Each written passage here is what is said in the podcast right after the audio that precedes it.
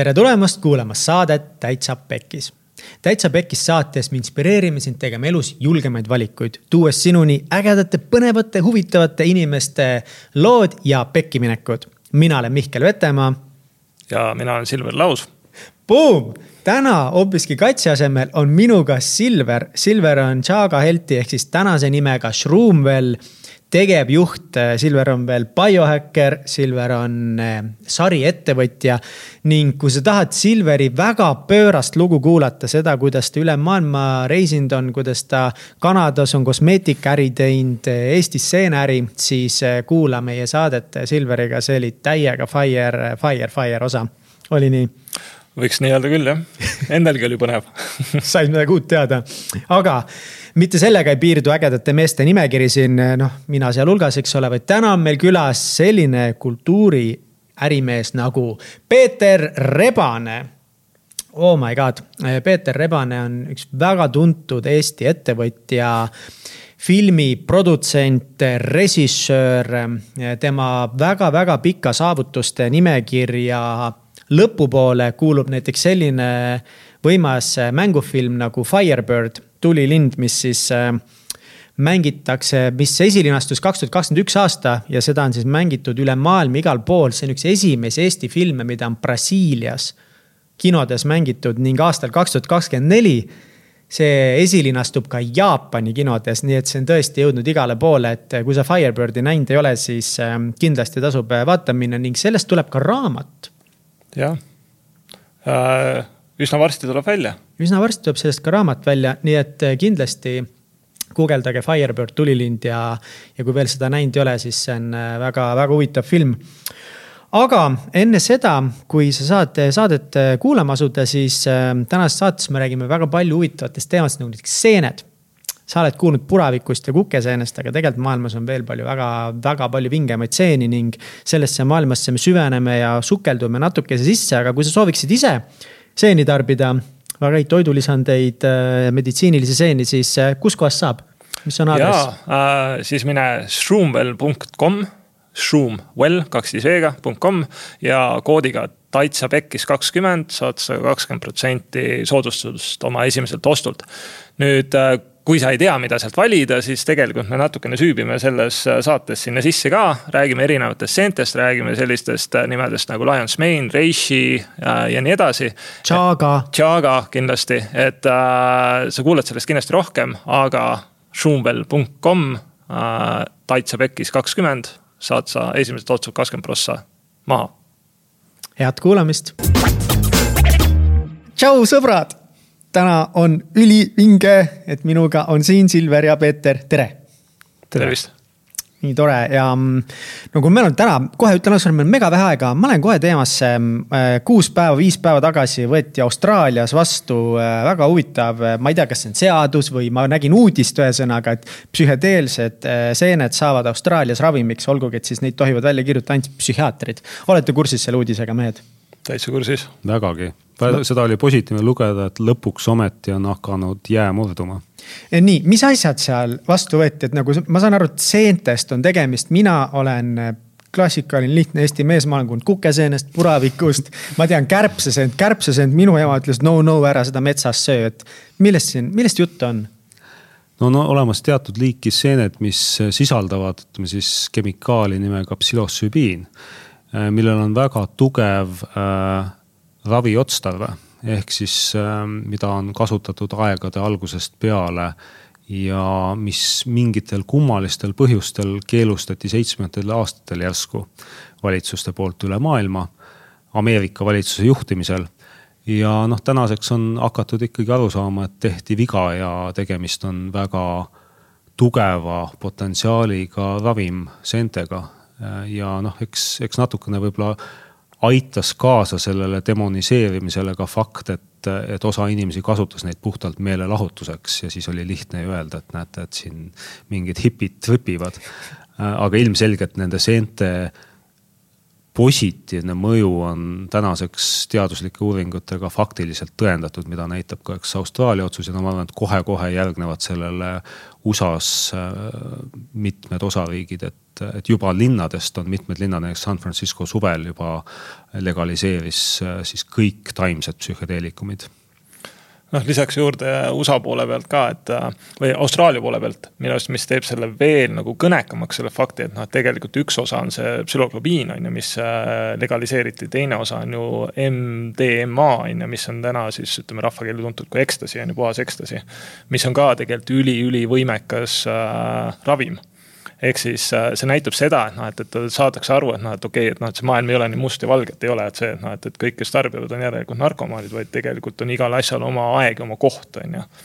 et äh, nüüd USA poole pealt ongi see, et, et lisaks sellele San Franciscole äh, Colorado dekriminaliseeris, on ju, mis oli väga suur samm, kes oli esimene osariik nagu suurelt. Äh, Los Angeles või mitte Los Angeles, vaid äh, Californias on tegelikult äh, ettepanek tehtud juba. ja, ja suure tõenäosusega ma tegelikult ootan seda uudist, sest suure tõenäosusega see juhtub nüüd iga päev või, või mõni, mõni järgnev nädal, on ju. kui nüüd California sellele järgi tuleb, siis tegelikult läheb see üleriigiliselt. ma olin äh, jaanuari alguses olin USA-s, ma olin Maine'i osariigis. noh, ja Maine'i osariik on ikkagi nagu selles suhtes, ameeriklased ise teevad ka nalja, et noh, see on sihukene tagurlik koht seal kuskil pole päris meie, on ju. mingid veidrikud või? ja et kui nemad, jah, siuksed väheveidrikud on, on ju, et noh, et, et ikka sihuke natuke Kanada flanellsärgiga ja nii edasi, on ju et äh, aga kui äh, Maine võtab midagi nagu vastu, siis järelikult on ta juba noh, täitsa nagu mainstream on ju ja, ja Maine'is kõik valmistuvad praegu selleks, et, et nii-öelda psühhedeelilised seened muutuvad elu osaks. noh, kõik nii-öelda kanepi dispenserid juba valmistuvad selleks, nii edasi, et noh, et, et sa, sa näed seda nagu shift'i ja movement'i seal noh ja tegelikult nad on ju elu osa olnud juba aastaid, et ega, ega ütleme, politsei vähemalt USA läänekaldal ei ole juba aastaid üldse huvi tundnud mitte mingisugust, et noh. ma olen ise ostnud vabalt psühhosübiini tooteid pakendatult barcode'iga. Et, et lihtsalt kuskil seadustes on see veel nagu muutmata olnud. aga mida nad seal Austraalias siis täpselt nende seentega teevad, et oli vastu, kui oli uudis, et võeti vastu ravimitena, siis kus kohas täpselt vähemalt nemad siis neid kasutavad või mis vormis? Äh, ei ole nii täpselt äh, tuttav, äh, ütleme kõikide nüanssidega, võib-olla sa oled tudeerinud rohkem, aga minu arusaamine on see, et, et noh, ma võin jälle jagada oma kogemusest, et mm -hmm. tegemist ei ole, tegemist ei ole, ütleme sihukese quick fix'iga, et lähen poodi, ostan endale psühhosübiini kapsleid ja siis saan kohe terveks, et noh, see on ravimitööstuse müüt, mida meile püütakse igasuguste ravimitega müüa, et mine osta, anna meile palju raha ja siis sa saad kohe terveks kuni siis järgmise päevani, kui sul on vaja teist tabletti, et selle esimese tableti kõrvalmõjudest lahti saada, eks. Äh, aga noh, psühhosübiin on noh, ta on ju aastatuhandeid olnud inimkonna kasutada ja ütleme, iidsed šamaanid ja ravitsejad siinsamas Eestiski, ütleme, teadjanaised on, on kasutanud metsaseeni, eks. Äh, tema äh, peamine, ma arvan, üks kõige olulisemaid asju on seda teha juhendatult terapeudi poolt, kes teab kuidas selle ainega ümber käia kes teeb äh, esiteks analüüsi, et sul ei ole psühhoosi või muid, äh, ütleme siis vaimseid häireid, mis võivad võimenduda ja mis võivad, ütleme, aktiviseeruda. et seal on, igal asjal on oma plussid-miinused, see ei ole nii, et kõigile kõik asjad sobivad. ja kes in tegeleb integratsiooniga, ehk siis peale sessiooni, sessiooni ajal on väga oluline toetus. ja, ja kui neid nagu põhimõtteid järgida hoolikalt ka vaadata, kust see äh, seen ise tuleb, et kes seda kasvatanud on, mismoodi, missuguses, ütleme, energias. siis on tegemist väga-väga võimeka ravimtaimega. kuidas sinu jaoks üldse nagu sinu teele sattusid esimest korda seened, kuidas sinu ja seente lugu algas ähm,? no minu jaoks algas üldse psühhedeelilise maailma lugu äh, sügisel kaks tuhat üksteist peale seda, kui mu ema siit maa, ilmast lahkus, ta oli poolteist aastat võidelnud vähiga mm.. ja see lõi nagu kogu maailmapildi hästi sügavalt lõhki. pani mind nagu mõtlema, et oot-oot, et miks ma siin olen, et, et kui su ema lahkub, siis see nagu, see on nagu kõige alustala oh,. see on isegi, praegu ma nagu tunnen seda emotsiooni, mis on, mis on nagu seotud, et et see paneb su ümber hindama kõiki põhiväärtusi. ja alguses ma otsisin lohutust, ma arvan ikka noh, esimesed suvekuud äh, alkoholist, et peod mm, -hmm. alkohol, et seda unustada ja siis mul oli üks väga hea sõber äh,, keda ma date isin sel ajal, kes, kes oli mu boyfriend tol ajal ja kes tegelikult äh, ise oli raskest depressioonist välja tulnud äh, tänu siis ütleme konkreetselt psühhedeelsetele taimedele ja, ja kes soovitas ja viis mind kokku kõigepealt vabastava hingamisega, viis mind kokku, ütleme. Stanislav Grofi tehnikatega, mis on puhtalt ainult oma hingamist kasutades.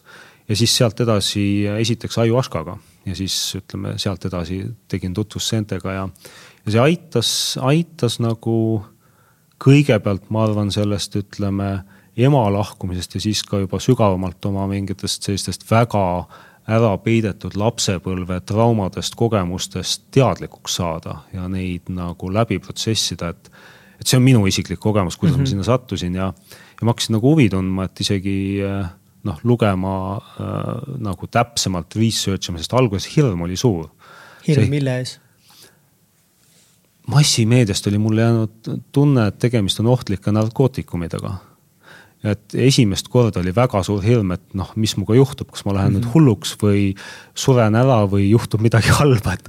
et see oli selline puhas inimlik hirm selle, selle noh, ma kutsun seda õpetajaks tegelikult, ehk siis selle aine ehk selle, selle ravim taime ees või seene ees, kuidas iganes teda kutsuda ma korra segan siinkohal vahele, et, et äh, tegelikult oli mul see küsimus ka, et noh, et see kaks tuhat üksteist oli see aasta, on ju. noh, kaks tuhat üksteist, äh, see on ikka igavik juba tänasega võrreldes, on ju, et kuhu me oleme jõudnud ja arusaamises.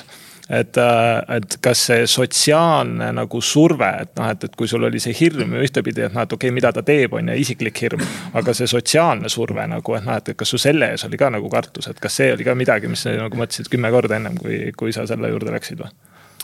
Ja noh, ma ei oleks Eestimaal, ütleme, julgenud seda teha tol ajal ja minu esimene kogemus oli Oslo lähistel Norras. ja üks, mitte isegi nagu kartes seda, et ka Eestis siiani on need ained nagu de facto keelatud äh, aga peamiselt see, et äkki mõni äh, tuttav inimene on ka seal ja näeb mind seda tegemas. Äh, et mul oli see tegelikult hästi oluline olla nagu täiesti võõraste inimeste hulgas ja tunda ennast täiesti vabalt sest sa olid ka prominentne juba sellel hetkel, ikkagi su nimi oli juba teada. ma arvan jah, palju prominentsem kui täna, ma loodan. et, et ma mõtlen nagu, et see kindlasti mängis ka ju rolli, et noh. aga mind ajas köhima lihtsalt selles mõttes, et appi, eks ma olen tõesti nii vana, et kaksteist aastat tagasi sai seda nagu sel teekonnal alustatud. aga mis, mis, sa alguses mainisidki, et nagu esimesed asjad, mida sa aitasid teha, oli tuua teadlikuks traumad ja tuua teadlikuks ema kaotuse valu, et mida see teadlikuks toomine tähendas sinu jaoks? Meil on kultuuris huvitav suhtumine, et kõik rasked asjad ja teemad tuleb nagu maha matta, et noh, surmast me ei räägi. Äh, surnuid me näeme kuskil viksitud kabelis ja siis saame juba tuha kätte. Soovitan palavalt, olen ise Nepaalis mitmeid kordi käinud avalikel tuhastamistel, et mõjub positiivselt vaadata, kuidas üks perekond oma ema või isa paneb lõkkesse, siis vahepeal togivad mõnda jalga või kätt sinna lõkkesse tagasi. päriselt? jaa mõjub hästi-hästi-hästi tervendavalt, et nagu toob kohale selle reaalsuse, et me oleme selle planeedilt saanud kehalaenuks loetud aastateks ja et, et see on osa elust. Ma arvan, et, et surmahirm on üks, üks baashirmusid, noh mul vähemalt, ma ei julge öelda, et kõikidel inimestel, aga enamustel inimestel, et. et mõne lähedase inimese surm toob selle hirmu endas ülesse ja sellele hirmule otsa vaadata. ja sellega hakkama saada, et seda mitte peita kõikvõimalike meelelahutuste ja noh, depressantide, et alkohol on mm -hmm. ju mhm. puhas depressant. valule on väga raske otsa vaadata, et ma olen ise nagu sihukese lühikese, sihukese peaaegu et depressiivse perioodi oma elust nagu läbi läinud ja just sel hetkel, kui ma nii-öelda nagu kõik need peened sõnad, alistusin sellesse valusse, lihtsalt lebasin ja nutsin voodis ja vaatasin lage nagu, et hea küll. ma olen siis nagu väga kurb, et siis nagu kõik see hakkas äh, paremaks minema, aga sinul sa aitasid kuidagi näiteks just seened kõik selle esile tuua ja läbi minna sellest. jah, jumal oli niivõrd tugevad seinad ümber ehitanud, et, äh, et see on on inimesi, kes on sellest täpselt sama, ütleme nagu sa kirjeldasid kes on lihtsalt nii tugevas valus, et nad vaatavad sellele otsa, tunnetavad selle läbi ja kui sa midagi läbi tunnetad, siis see emotsioon lahkub su kehast, et. emotsioonidel on ju selge funktsioon tuua sulle sõnum, midagi muuta oma elus või, või millegi tähelepanu pöörata, et, et me oleme nagu harjunud neid alla suruma Mm -hmm. ja mida rohkem sa alla surud, seda rohkem ta tahab sealt ju välja tulla ja tähelepanu saada, et seda tugevamaks see valu läheb ja ma arvan, et üks psühhedeelse teraapia suuri plusse on just varajases lapsepõlves tekkinud äh, siis allasurutud hirmude, emotsioonide, traumade. Ähm, noh, sama ka ütleme post-traumatic stress disorder. Turvaliselt täiskasvanuna uuesti läbielamine, sest kui sa selle läbi tunnetad, siis sa lahustad, ta kaotab oma võimu, ütleme siis sinu keha ja meele üle no kuidas sinu teekond sealt edasi läks, et see nagu, sa rääkisid, miks sa sinna jõudsid. rääkisid Oslost, sellest esimesest kogemusest, mida sa nii kartsid. sa oled elus, ära sa ei surnud, aga kuidas esimene kogemus oli? no ma kartsin ikka, kartsin on võib-olla vale sõna, aga ma arvan, et mingisugune osa minust, minu meel püüdis kontrollida, see on teine huvitav asi, et kui me nagu äh, meie meel tihtipeale püüab kontrollida kõike elus, sest siis on ju võimalik nagu turvaliselt elada jutumärkides. Äh, et kui ma siis äh, püsti tõusin, seal oli selline ühine meditatsiooniring ja võtsin teistel osalejatel käest kinni. Siis äh, ma sõna otseses minestasin hetkeks ära, mul lõi silme eest mustaks. et see kontroll keha üle oli nii tugev, et kuskil mingi osa, ütleme meelest või mõistusest ütles, et okei okay,, ma nüüd lülitan su välja, kui sa selle jamaga jätkad. aga ma tõusin uuesti püsti. ütlesin, et ei, et ma no, ei ole nõus ja siis, siis toimus murrang, siis oli see, et äh, minu jaoks ausalt oli see esimene kogemus, kus ma nägin maailmas äh, kõike energiana tol hetkel. enam-vähem nagu Matrixi filmis on see mõned rohelised kaadrid, kus kõik on liikuv, elav energia, et, et tunnetasin selliselt. kus sa tunnetad teisi inimesi ja seda ühtsust ilma silmi avamata, sa näed, mis sinu ümber toimub ehm,. Ehk nä tegelikult nägin nagu, et see maailm on palju laiem kui see, mida me siin tavapäraselt oleme harjunud oma viie meelega tunnetama, vaatama, katsuma. Ja siis hakkas, hakkas nagu hästi põnevalt äh, intrigeerima, et mis veel on. Aga kui sa sealt tagasi tulid, et noh, üks oli see, et sa tegid selle tseremoonia läbi, sa jõudsid mingisugusele arusaamale, on ju, sa hakkasid seda maailma nagu teistmoodi nägema, on ju. noh, siis sa hüppasid lennuki peale, siis sõitsid Eestisse, on ju, noh, et, et äh, milline see elu siis oli nagu, et noh, et, et äh, kuidas sa seda oma keskkonda, mida sa olid harjunud, milles sul oli see valu, kuidas sa seda nagu siis nagu tundsid teistmoodi? ma arvan, et ongi, on nagu selline esmane efekt ja pikaajaline, et pikaajaline sõltub sellest, et eh, kuidas sa ennast muudad. et ei lasku uuesti tagasi nendesse vanadesse uskumustesse, mõttemustritesse ja käitumismudelitesse, et millega me oleme harjunud, ütleme meie rutiinid ja, ja nii-öelda tavapärased viisid asjadele reageerida, et. et esmane efekt on noh, kui me konkreetselt mingist sellisest traumast või valust räägime, noh, ma ei, pean igaks juhuks mainima, et ma ei ole mingi litsenseeritud psühhoterapeut, et ma ei anna meditsiinilist nõu, ma ainult jagan oma kogemust äh,. siis minu jaoks see ütleme, psühhedeelne taim, ta tegelikult avab ligipääsu mingitele väga sügavale ära peidetud, ütleme siis tunnetele, mis on tegelikult ju energiat minu kehas. ja olles nüüd toetatud ruumis, kus on läbiviija, kes tegelikult teab, mis minuga toimub ja vajadusel suudab ka panna käe õlale ja et kõik on hästi. Mine sellest läbi, ära karda. Äh, sinuga ei juhtu midagi halba. et, et on täpselt seesama asi, et ma julgen otsa vastata, vaadata sellele valule või traumale ja selle turvalises keskkonnas läbi elada, et see on nagu esimene etapp. aga nüüd edasi on see, et kui ma sealt nagu välja tulen, et siis tegelikult on hästi oluline, et keegi ka hoiab minuga kontakti, et kuidas sul läheb, kas sul on tulnud veel tundeid ülesse, aitab, ütleme noh, integreerida seda tava, tavapärases elus.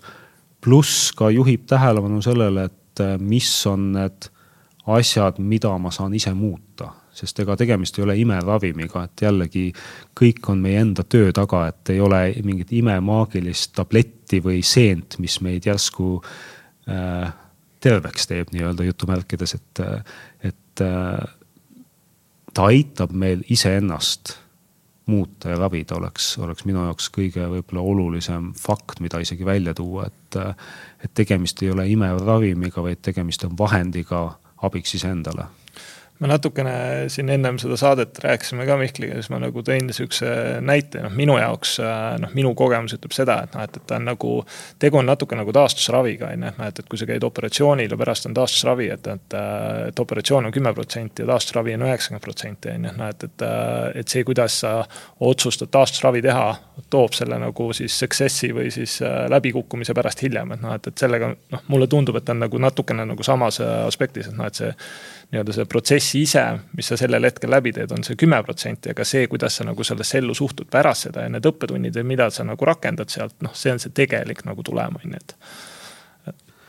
jah, ja ega see on. noh, ma muidu ei julgekski sellest äh, nagu seda kellelegi soovitada äh,. kui mul ei oleks siis nii palju kogemusi olnud heade sõpradega, et peale ise väga radikaalselt oma elu muutmist äh, või maailmavaate muutmist ja, ja oma nagu sisetunde muutmist, et kuidas ma ennast igapäevaselt tunnen, kas mul on sees nagu metsik ärevus ja pinge või, või rahu ja ütleme siis enesega rahulolu. mitte, et oleks sada protsenti sinna jõudnud, aga kindlasti ma olen väga palju lähemale võrreldes kaheteistaastase seisuga. Äh, siis äh, mul on päris mitu head sõpra, kes on tänu äh, nendele taimedele tulnud koheselt äh, Xanaxist ja muust nagu rõvedast keemiast äh, välja ja pole uuesti pidanud kunagi kasutama, et, et selles mõttes noh, niivõrd mitmeid case'e, kus inimesed on abi saanud just, just konkreetselt depressioonist äh, väljatulekul.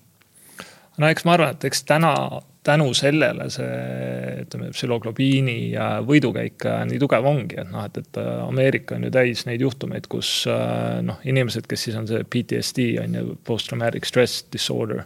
või mingisugused muud haigused, mis on siiamaani nõudnud nagu peotäis tablette iga päev on ju, et üldse eluga kuidagimoodi toime tulla. teevad ühe või kaks sessiooni ja kõnnivad sealt välja, ütlevad, et äh, täiesti nagu normaalne, noh, et, et äh, käisin kuskil Iraagis sõjas, iga pauk, mis oli, olin kapis ja värisesin, on ju, olin valmis ründama, on ju, ja täna nagu ei häiri see enam, on ju. et äh, ja mis see praegu vist oli, kas oli, ma täpselt seda numbrit ei mäleta, kas oli kuuskümmend viis või seitsekümmend protsenti on nagu edu äh, number, on ju selles suhtes, et ükski tablett ei saa sellele vastu, noh et, et. ja selle taga on juba vist päris palju nagu teadust ka, keegi meist siin, veel kord teadlased ei ole, aga ma olen nagu aru saanud, et kui riigid hakkavad asju vastu võtma, siis on teadlaste poolt vist on juba päris palju teadustööd tehtud kogu selles valdkonnas või? et see no, ei ole nagu ainult see kogemused, mis on Peetril, Peetri tuttavatel, vaid ka see teadustöö, mis selle ümber käib no riigid kindlasti nõuavad seda, et, et selles suhtes, et seal peab olema see valge kittel peab kinnitama ikka kümme korda ära, et, et siis alles hakkame, hakkame mõtlema ja me peame ka vaatama seda, et miks midagi keelustati, kuni seitsmekümnendate elu, äh, seitsmekümnendate aastateni oli ju igati okei okay,, et noh. rahvad ja kultuurid üle maailma olid tuhandeid aastaid neid äh, taimi kasutanud. Richard Nixon, Vietnami sõda. noh, minu isiklik interpretatsioon on, interpretatsioon on suhteliselt lihtne, et äh, Vietnami sõja ajal liigne teadlikkus, liiga palju jutumärkides hipisid, kes ei olnud nõuseks äh, minema ja tapma tsiviilisikuid kuskil teisel pool maal, maakera, et äh, muutis ohtlikuks riigile et inimesed olid nagu liiga täis armastust, aktsepteerimist ja. ja ei näinud, et sõda on kõike seda väärt. ilmselgelt, kui sa oled nagu psühhedeelse taimega rännakul kogenud oma tõelist olemust, siis ei ole võimalik, et sa võtad püssi kätte ja lähed lased teise inimese maha, et. et noh, see, need kaks asja ei lähe omavahel kokku mm. -hmm. aga kas see mujal maailmas keelustati siis samal ajal ära või, et see on nagu ainult Ameerika? no Ameerika juhtimisel, siis loomulikult mingid ülemaailmsed organisatsioonid ja noh, peale seda ju nagu me siin maailmas ikka, et kui üks ees, et, et sama naljakas on see, et nüüd Ameerika ees nagu noh, marihuana on seal juba ju praktiliselt igas osariigis peaaegu äh, legaalne ja võid lihtsalt minna poodi ja osta, eks äh, kuna on ka aru saadud, et tegemist on väga võimsa valuvaigisti ja väga võimsate, võimsa ravimtaimega. Äh, et eks, eks nüüd toimub täpselt siis vastupidine protsess, et Ameerika taas legaliseerib ja siis teised järgivad, et see on naljakas. mis on mingid müüdid või valearusaamad seentest? mis sina arvad? Ma arvan, et esimene asi, mis mulle pähe tuleb, on see, et inimesed äh, mõtlevad, et see on mingisugune trip, kuhu lähed ilusaid pilte vaatama või umbes mingeid värvilisi mustreid, et see on nagu. mina olen seeni proovinud ja see oli täpselt see, mida ma kogesin ma panin silmad kinni ja ma nägin eh, geomeetriat, väga palju erinevat geomeetriat, see oli väga ilus. ja siis ma küsisin, et oh, kus mu geomeetria küll on, ma tahan veel seda näha, panin silmad uuesti kinni ja väga palju ilusat geomeetriat oli, hullult tore oli. Mis sa taotluseks tegid? Eh, ma olen paar korda teinud Äh, ja esimene kord ei teinudki taotlust, võtsin hästi natuke, samamoodi natukese kartsin ja pelgasin ja. aga ma olen nüüd kuulnud igalt poolt päris palju just seda taotluse asja ja. et ma olen mõned korrad erinevaid aineid proovinud ja tegelikult need ongi ainult olnud küllaltki turvalises ruumis. Äh, teatud inimestega ja kus on nagu tugevad taotlused öeldud, aga esimesel korral taotlus ei ütelnud mm. ja sellepärast võib-olla selline oligi, et ei olnudki taotlusi. ma arvan, et see on nagu hea point, et et tegemist on meditsiini ehk siis ravimtaimega, et, et väga palju vaadatakse seda kui meelelahutust, et noh mm -hmm., fun proovida, aga, aga tegelikult noh, me ei lähe ju ütleme mõtle, oh täna õhtul võtaks penitsiliini, eks, et, et see pidi väga fun olema, tegelikult mõned inimesed võtavad valuvaigisteid. ime, et neid pole ära keelatud, eks veel, aga, aga just see, et sa valmistud ette, et sa ei söö mingeid loomseid äh, toitusid paar päeva enne, et sa tegelikult juba enne mediteerid, lähed sinna selge taotlusega, et, et sa lähed ikkagi ennast äh, muutma või ravima, et see ei ole lihtsalt nagu fun trip, et siis on, siis on, ma arvan, ka teine mõju. et äh, me oleme suhteliselt võimsad olendid, kes ise määrame ka paljuski, mis kogemust me otsima läheme mm. -hmm on veel mingeid müüte või valearusaamasid seentest, mida sa oskad välja tuua? Või sina, sina arvad? ma tooks siia väga palju, noh, tegelikult me praegu räägime, ütleme ühest seenegrupist ainult, on ju, me räägime täna psühhedeelikumist kui üks seen on ju, et noh, et äh, maailmas on, ega me ei ole veel avastanud, palju neid seeni on, aga me oleme vist mingi kas viieteist miljoni peal või äkki või midagi sihukest, on ju, noh, enamus neid üldse maapinnal näha ei olegi, on ju et äh, meil on ju tegelikult eraldi grupid, meil on noh, kui me küsime eestlaselt, ütle, ütle seen on ju, ta ütleb kukeseen või kärbseseen on ju ja sellega nagu piirdub, on ju, noh siis me küsime, küsime Peetri käest, ütle, ütle, mis on seen on ju, sa ütled psüloglobiin on ju. Siis küsime kolmanda isiku käest, ütleb mingisugune reishi või mingi meditsiiniseen või tšaaga on ju, noh et tegelikult see seene nagu grupid, see, see läheb nii laiaks ja, ja nagu psüloglobiin aitab täna nagu mentaalses maailmas, teeb revolutsiooni, on ju, siis on mingid seened, näiteks äh, meditsiiniseened, mis teevad nagu täiesti nagu revolutsiooni kuskil, kuskil mujal, on ju, mingite muude probleemidega, on ju.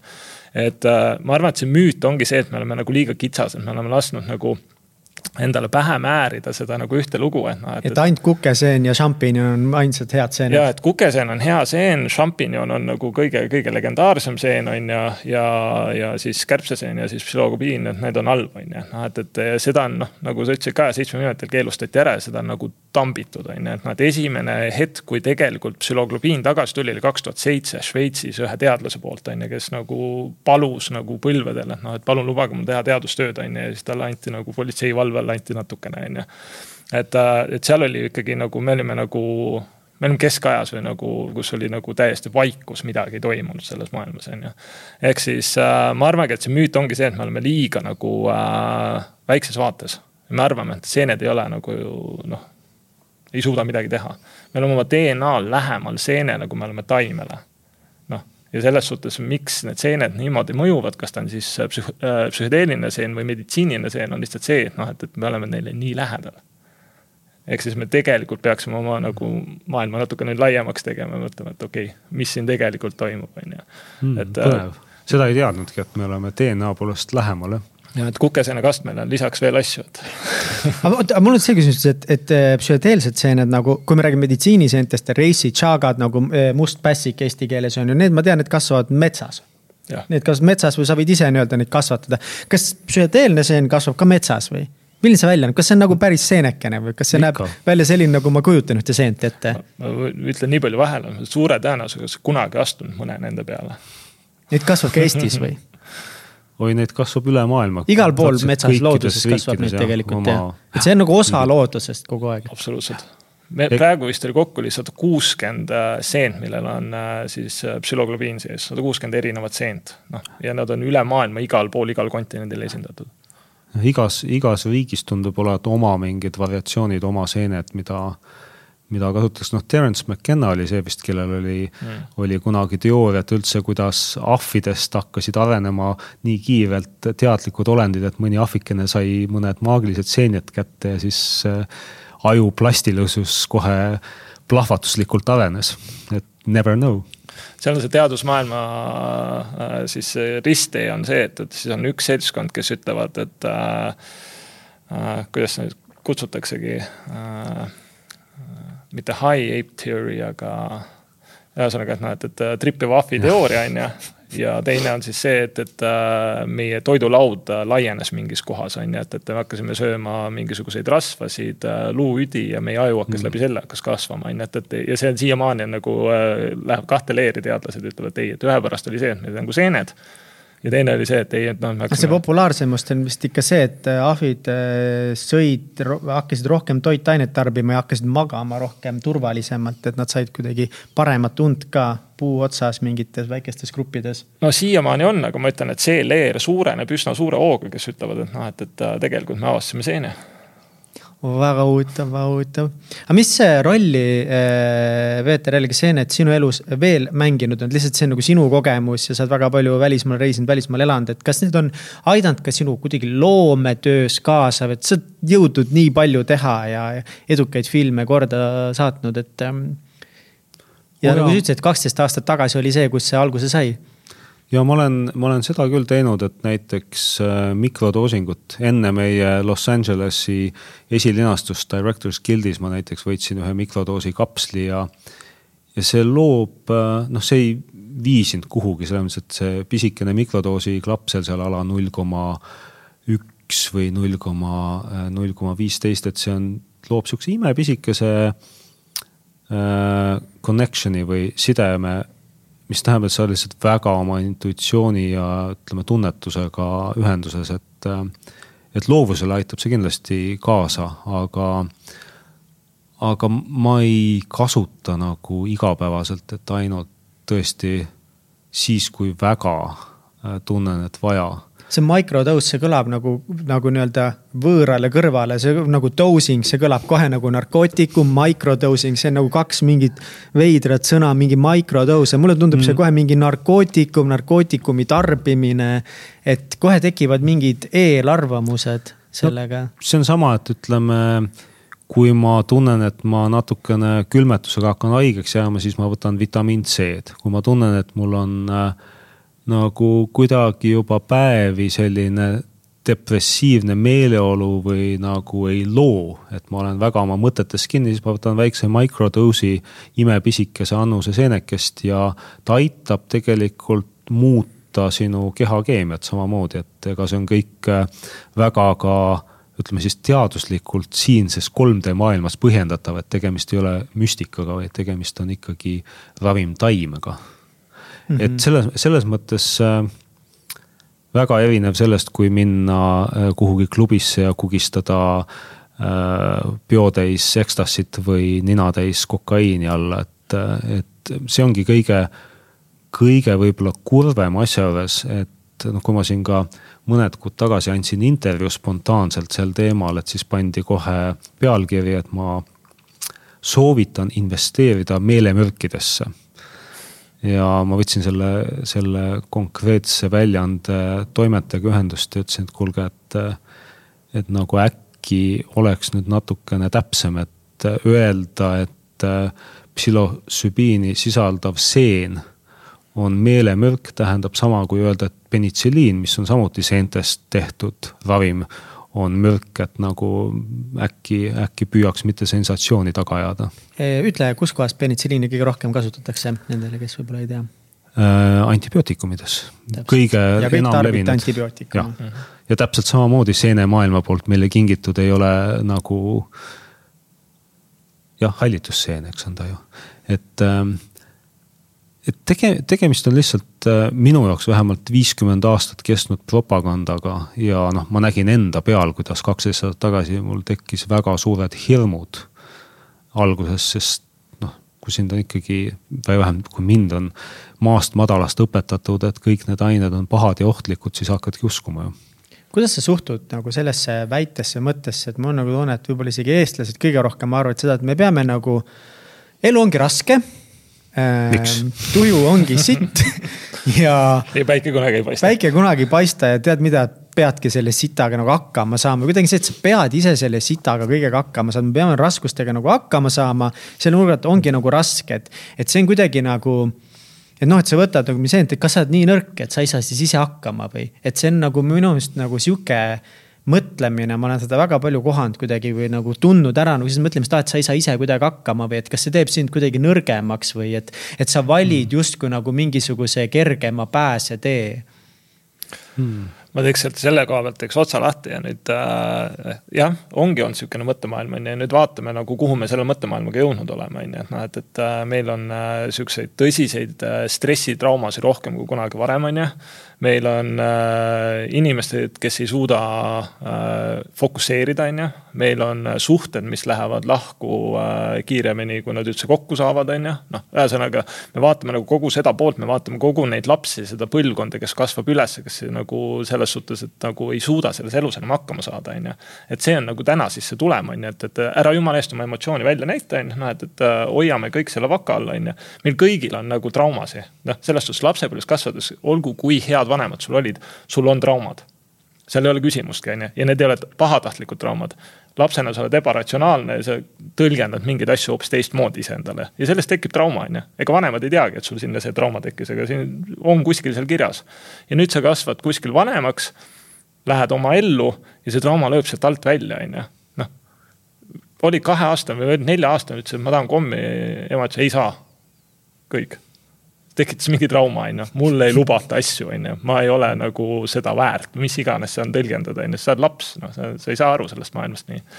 noh, ja siis sa oled järsku kahekümne viie aastane, ütled, ma ei ole midagi väärt.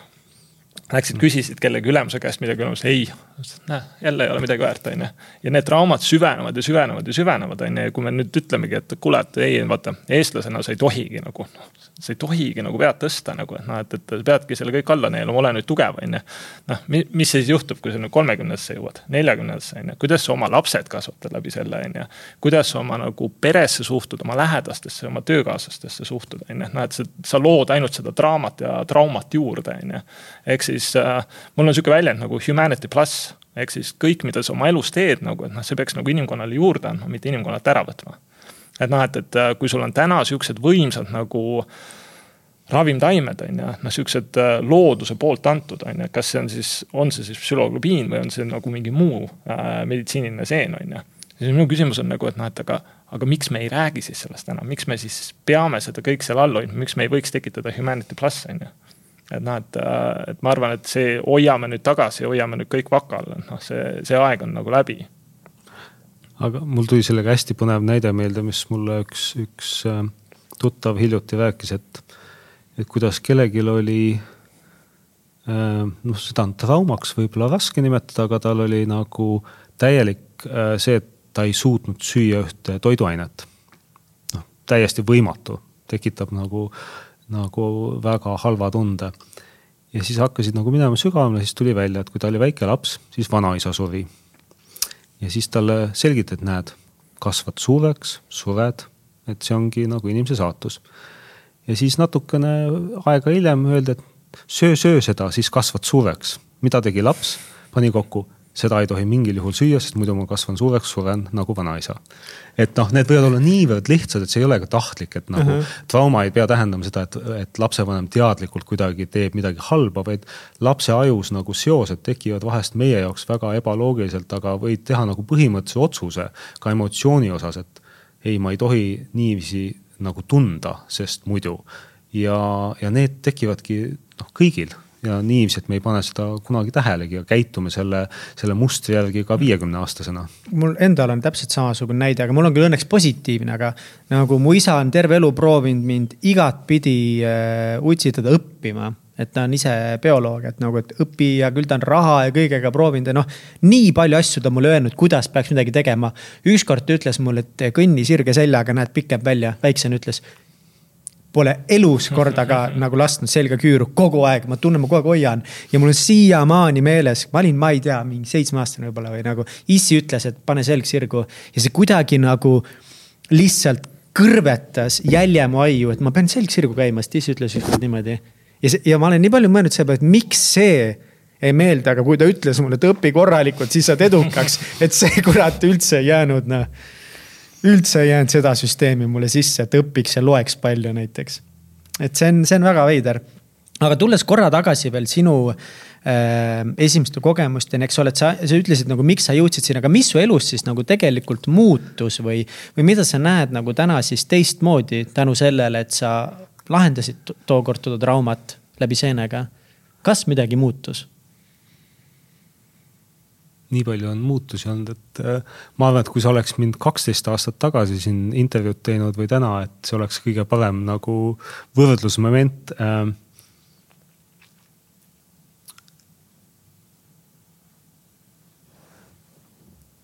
tunda ennast iseendana ähm, vabalt aktsepteerida sellisena, nagu sa oled. mitte püüda kogu aeg midagi saavutada, mitte püüda kogu aeg midagi olla, mitte püüda läbi millegi tegemise teiste armastust teenida. et ma arvan, et need on nagu asjad, mis esimesena pähe tulevad, siuksed hästi lihtsad asjad, aga mis tegelikult sees tekitavad kogu aeg pinge ja sellise nagu ärevuse, et ma pean midagi tegema, et ähm,. et see viib meid, ma arvan rohkem kokku iseenda olemusega. ehk siis äh, kui sul on iseendaga, kui mul on iseendaga hea kontakt ja ma aktsepteerin ennast ja armastan iseennast, mis on, mis on üks lihtne öelda, aga tegelikult üks raskemaid asju ähm,. et sa ei saa, sa ei saa tegelikult olla ka suhtes teise inimesega kui sa iseennast ei aktsepteeri ega armasta, sa otsid seda, et keegi teine sind armastaks mis ei ole võimalik, see on nagu. kompenseeriks sinu puudujäägi. jah, täpselt, et, et see on see nagu iseenda aukude lappimine läbi teiste inimestega suhete, mis, mis tähendab seda, et siis mingi aja pärast see inimene enam ei ole piisavalt hea ja siis tuleb uus leida, kes neid auke hakkaks lappima, et. et ma arvan, nendes nagu, nagu äh,. no sellel teemal võiks omaette podcast'i teha äh,, aga ma pean. oled kutsutud tagasi tänud et äh, palju, palju, palju, ma ei oska seda isegi kordades mõõta, suurem rahulolutunne iseendaga. ja tunne, et ma võin lihtsalt äh,, kui tunne on see, ma võin lihtsalt hommikul olla voodis ja lugeda tund aega raamatut, mitte ei pea kiirustama kuhugi midagi tegema. aga kas sa ütleksid, et sinu elus muus osas näiteks, et kas sa oled äkki hoopiski palju suuremat materiaalset edu saavutanud hoopiski selle aja jooksul, et äkki sa oled õnnelik sellepärast, et nüüd sul on lihtsalt nii palju rohkem raha, kui oli kaksteist aastat tagasi? või äkki sul on kuidagi hoopiski nagu nii palju parem suhe nüüd, kui sul kaksteist tagasi või et, et, et mis sa arvad, kas, kas, kas see äkki tuleb kuskilt mujalt nagu see suur rahulolek iseendaga? või see tulebki läbi selle töö seentega ikkagi? Raha on mul kindlasti vähem kui kaksteist aastat tagasi, ma arvan, sest ma olen, kulutasin sellest päris palju äh, viimastel aastatel oma filmile kaasfinantseerijana. Ähm, et kindlasti see, see ei saa olla, Olgu. selle võtame maha, Selle võtame maha. hästi lihtsalt mõõdetav mm. -hmm. suhted on, ma arvan, kindlasti paremad, aga ma arvan, et see ongi iseendaga töö tegemise tulemus, mitte et järsku oleksid paremad inimesed ellu ilmunud, vaid vastupidi. olgu ähm, mina, ma usun nagu hästi sügavalt seda, et me tegelikult oma teadvusega loome end ümbritseva kogemuse. ehk kui äh, ma lähen tänavale ja ei ole oma keskmes, ei ole, ütleme siis kontaktis iseendaga, iseenda tunnetega, siis on hästi lihtne öelda, oh, see inimene, mis juhtus eile siinsamas Karjases aias, üks neiu tuli ja lihtsalt julmalt läks minu eest sappa. kümme aastat tagasi ma oleks tahtnud midagi öelnud, midagi sapist. ja siis ma eile mõtlesin, nojah, nii on niimoodi põnev. mõtlesin, siin on midagi head peidus. ja siis jõuan leti ette, tema sai viimased vanad croissant'id minule toodi uued, mõtlesin, näed sa, kõik, iga, tuleb asjasse suhtuda sellega, et lasta asjadel juhtuda, mitte solvuda, mitte reageerida, et mulle on liiga tehtud, vaid nagu rahus.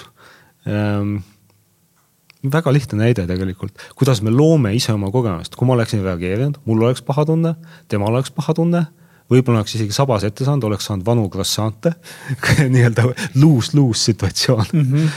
Et, et ma arvan, et kaks aastat tagasi ma oleks, oleks ilmselgelt nagu solvunud. see on üks huvitav mäng, see solvunud olemise mäng, et, et mulle on liiga tehtud kellegi poolt. mul on sinna järelküsimus, et ähm nüüd äh, sina täna ja sina kaksteist aastat tagasi, et kui sa vaatad nüüd oma seda ringkonda, kes sinu ümber on, on ju, noh, me, me ise loome oma reaalsuse, on ju, me kutsume inimesi oma ellu läbi selle, et äh, kui terved või katki me oleme tegelikult, on ju.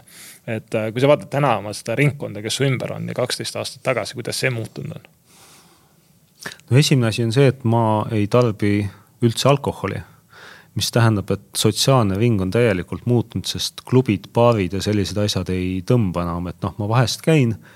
Äh, ja niikaua, kui inimesed veel on sihukese nagu ütleme, kontaktivõimelised, siis suhtlen ähm, aga väga palju on muutunud, inimesed ümberringi on muutunud, sõprusringkonnas on ikka nagu ma ei tea, seitse, kaheksakümmend protsenti inimestest vahetunud iseenesest, et teises, teiste huvidega teises energias olevad inimesed, et, et täpselt sa panid selle paremini sõnadesse kui ma ise, et me oma sisemise äh, siis kuidas seda nimetada, kas energia või vibratsiooni või olekuga tõmbame ligi sarnast maailma, et, et elad aga kuidas nüüd sind või? Miks, miks ma tegelikult seda küsisingi, et noh, et, et kui minu teekond hakkas äh, nii-öelda selles biohäkkerluses ja kõik see, noh, mis on ka siis noh, jõuad ka ikkagi üsna kiiresti sinna, et üks hetk alkoholi enam ei joo, on ju. ma olin suitsetaja kunagi, on ju, jätsin suitsetamise maha sa hakkad ennast paremini tundma, sa muutud stabiilsemaks, on ju. sa, kui sa oled stabiilsem, noh täpselt see karjase saia näide on ju, noh et, et äh, ei lenda kohe järgmisele inimesele kaela, kes sul tee ära katib äh, maanteel, on ju. et noh, et mingid siuksed asjad hakkavad muutuma, see on sihuke, see on sihuke vaikne muutus, ei ole see, et noh, täna ärkan üles, eile olin selline, täna olen hoopis selline, on ju, et see toimub üle aja, on ju. ja siis ühel hetkel ma hakkasin ka nagu tähele panema, et ma vaatasin nagu äh, sihuke kaks tuhat kümme, kaks tuhat üksteist, ma läksin kaks tuhat üksteist Kanadasse on ju. noh, ennem seda, kui ma vaatan oma seda tutvusringkonda, kes mul oli, noh, et, et mul oli alati sihuke natukene uhkus, et mul see tutvusringkond oli mega suur.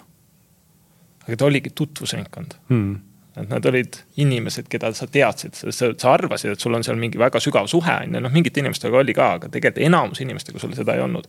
sind ühendaski see, et sa käisid nädalavahetusel nendega koos joomas ja mingeid lollusi tegemas ja noh, see, see oligi see koht, on ju. Kui ma vaatan täna, siis mu tutvusringkond ja ma ütlen tõesti, noh, see on nagu sõprusringkond, see on nagu, see on mega väike võrreldes sellega noh, see on ühe, võib-olla kahe käe näppudel loed üles need inimesed, on ju. aga need on inimesed, kes, ma püüan nende eest kuulda, nad on valmis minu eest kuuli püüdma, noh et, et sest see on hoopis teisel tasandil, on ju. sest seesama, nagu sa ütlesid, see energia, on ju, noh, me oleme tegelikult ju energia, on ju, noh et, et täna ka ütleme teadus jõuab lõpuks sinna, et me ikkagi oleme energia, et me ei olegi lihtsalt mingisugune. mis on mingi kontseptsioon, mida on nii keeruline mõista. Nagu mulle, et mida, mida paganat see üldse tähendab, et me oleme energia? noh, ma räägin veel korra, no.. selles suhtes, et sa tegelikult üheksakümmend üheksa koma üheksa protsenti tühjus on ju, kui sa vaatad oma nüüd molekule on ju, no et selles suhtes, et seda on nii raske mõista, on ju, kuidas ma siin nüüd üheksakümmend üheksa protsenti tühjust olen, on ju.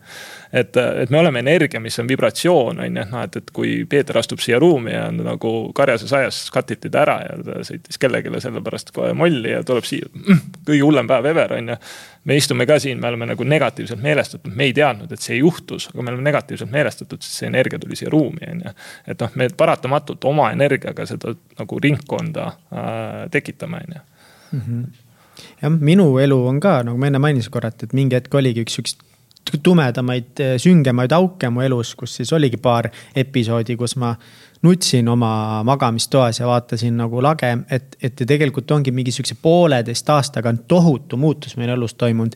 nii minu personaalsetes suhetes, ettevõtluses ja nüüd ennast upitades siin sõbrad minu ümber on nagu maininud, kurat, Mihkel, et sa oled nagu kohe nagu järgmisele levelile jõudnud ja, ja, ja selle aja sees tegelikult ongi väga palju erinevat protsessi olnud, on vabastavat hingamist olnud, mida sa mainisid, Peeter, alguses et ja on ka mingeid tseremooniaid olnud, et, et ma ei saa nüüd öelda, et, et kas see tseremoonia või kas need olid need, mis aitasid mul nüüd kuidagi järgmisele tasemele jõuda ja, ja üle saada raskustest ja ja saada palju teadlikumaks ja rahulikumaks, ruumoidvamaks inimeseks, aga ütlekski, et võib-olla neil kõigel on nagu lihtsalt mingi roll, et see ei ole jällegi nagu nagu sa ütlesid, et ei saa minna stseeni tegema ja ei peaks nagu pidudel tegema, ei saa lambist lihtsalt võtta mingi kogu stseeni kuskil ja Eestis see on üldse keelatud, eks ole aga mina täiega näen, et sellel kõigel on üks osa lihtsalt, teine osa on tervislik toitumine ja kolmas osa on liikumine ja, ja oma mõttega töötamine, oma hingamisega töötamine, et. et hästi oluline on see, et me vaataks seda holistilist pilti, et ja, ja, ja nii-öelda see klassikaline meditsiin, ka sellel on väga tugev osa meie elus, et võib-olla lihtsalt vahepeal käimegi nagu nii kitsaste silmadega ringi ja võtame ainult nagu seenemaailmast kukeseene ja. ja kogu tervislik on see, et jõusaalis tõstame kangi, mis on ka hullult hea, lihastreening, resist-, resistance treening, parim asi, mida teha oma kehaga, eks ole, et aga seda suurt pilti vaadates on mega oluline ja, ja veits rääkides suurest pildist, et. et mis need teised seened veel on, mis, mis meil siin maailmas on, et kui me oleme praegu rääkinud psühhedeelsetest seentest ja kukeseenest ilmselt väga palju eestlastele rääkima ei pea et äh, mis on need äh, no nüüd on, ütleme sihukene kolmas suur grupp, mis tuleb täna hästi tugevalt äh, peale, on siis meditsiiniseened.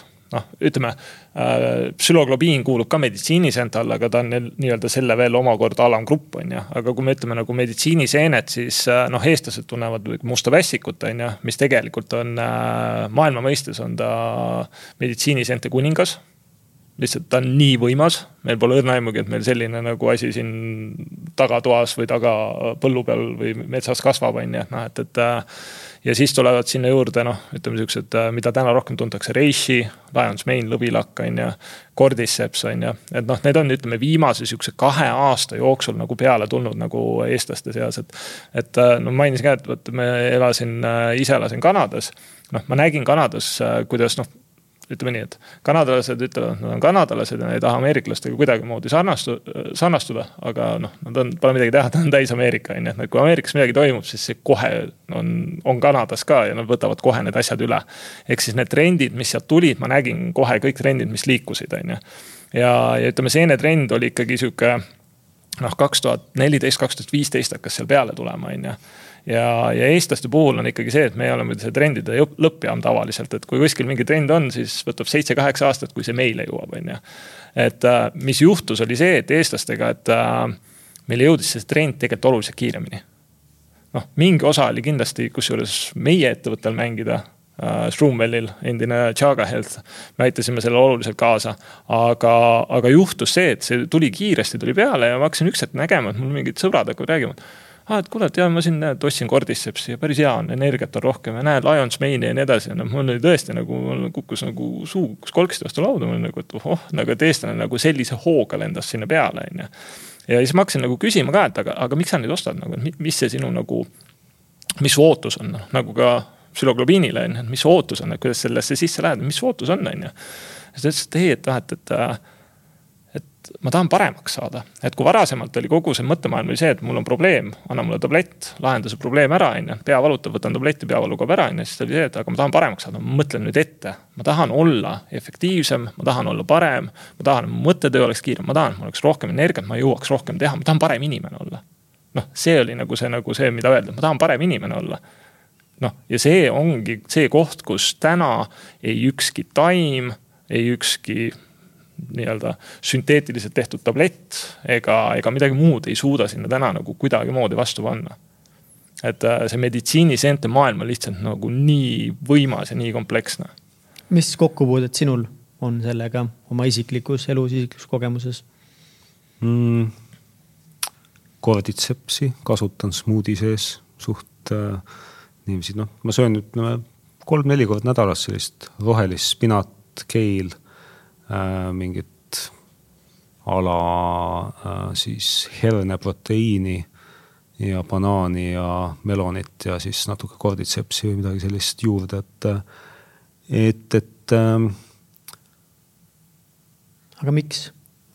puhtalt seesama nagu enesetunne, et ta annab kehale midagi, ma ei oska seda selgitada, ma ainult nagu teen ka selle järgi, et kui midagi mulle kehale meeldib, et ma, ma isegi tihtipeale lihtsalt vaatan hommikul tunnetan käes, et ashwagandha, cordyceps, assai, mingeid erinevaid nagu siukseid väetaimekeste pulbreid. vaata, ahah, seda on mul täna vaja, puht tunde järgi, et isegi ainult seda pakki nagu käes hoides, et mis nagu, mis nagu kõnetab äh,. väga mitteteaduslik, väga intuitsioonipõhiselt. ja noh, see on, see on äh, siis on võib-olla nagu vaja eristada füüsilist keha ja meelt. ehk üks on meie nagu energeetiline keha, teine on meie füüsiline keha, et füüsilisele kehale annavad meditsiinilised seened ilmselgelt tuge.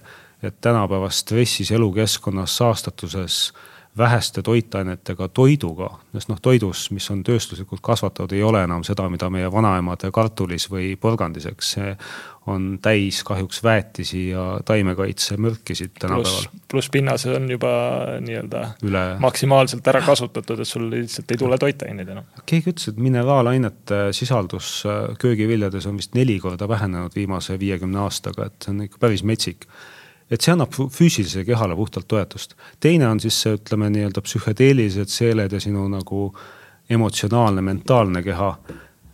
aga seal on ka muidugi huvitav trap, et äh, trap on lõks vist eesti keeles, eks mm, -hmm. kuhu äh, langeda, et hästi palju inimesi tegeleb iseenda otsimisega. ma olen ka tegelenud kaksteist aastat ja ma ütleks, viimasel aastal mul järsku jõudis kohale, et tead, ma ei olegi ennast ära kaotanud ma võin jäädagi elu lõpuni ennast otsima ja see on olnud ausalt öeldes isegi võib-olla üks kõige kõige olulisemaid Aha. aastaid, see viimane aasta, et tead, ma ei peagi ennast otsima, ma pean lihtsalt kohal olema.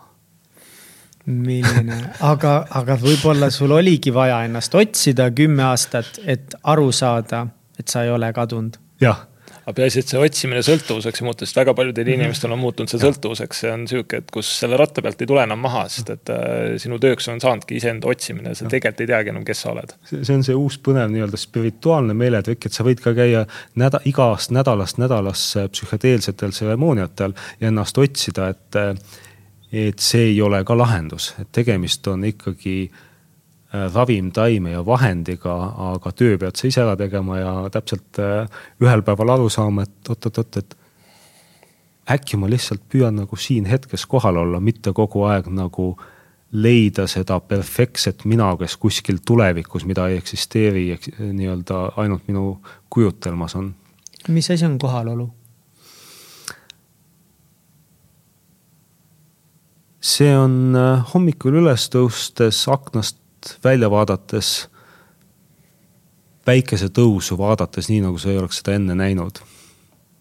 ilma hinnanguta, see on sõbraga juttu rääkides, kuulates, mitte mõeldes selle peale, et okei okay,, et nüüd ma peaks seda tegema, seda, aa ta on lõpetanud, nüüd ma räägin seda, mis mulle oluline on. Äh, see on ükskõik, mida sa teed pisidetailist kõige olulisema asjana tegemine täie pühendumisega kus ma ühel hetkel siin intervjuu ajal tundsin ennast mõtlemast, oot kus ma sööma lähen täna ja siis ma tulin tagasi meel sellega tegeleme peale intervjuud uh, -huh. peale podcast'i, et, et see on, see on tegelikult oma täistähelepanu hetke tegevusse panustamine. Ma ei, ma ei oska seda teist, see oleks minu jaoks võib-olla kuidagi täpsem, kuidas sa sõnastad? ei, perfektne, selles suhtes täpselt nii ta on, et, et äh, oma olemuselt me elame kogu aeg minevikus või tulevikus ja see on meie probleem, on ju.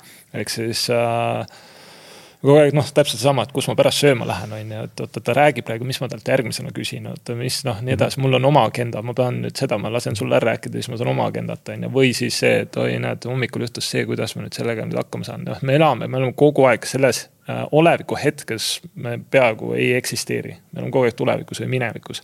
see huvitav äh, sihuke võib-olla kõrvalepõige on, et äh, minu arust oli kas Brasiilia Amazonis oli, on mingid hõimud kelle, kes ei tunnegi kontseptsiooni minevikust. Ja peaaegu, et ei tunne kontseptsiooni tulevikust mis on meile, ütleme sihukesele nagu lääne inimesele täiesti nagu arusaamatu nagu, et mismoodi sa ei tunne, noh. selles suhtes see, mis oli ju, see on minevik ja noh, see, kuhu sa nüüd lähed, see on tulevik, on ju.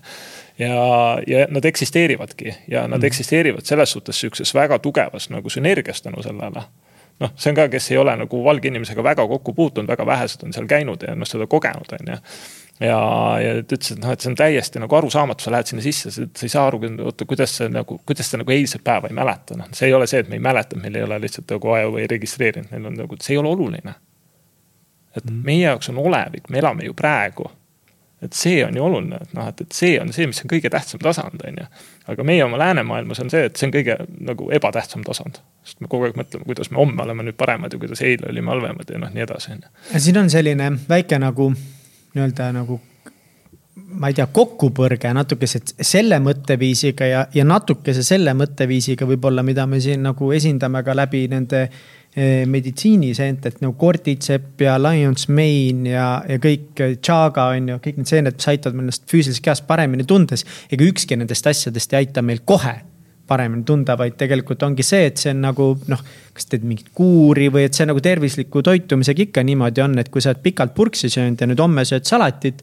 ega sa homme ennast väga palju paremini ei tunne, et me mõnes mõttes me peame mõtlema tulevikule, et, et see, et see ongi see minevikust tuleb lahti lasta, aga minu jaoks ongi see suur küsimus, see tasakaal nagu hetkes olemise versus mineviku pärast ma ei taha öelda siis, meile meeldib, et muretsemine, peab muretsema mineku pärast, et siis hoolitsemine tuleviku pärast.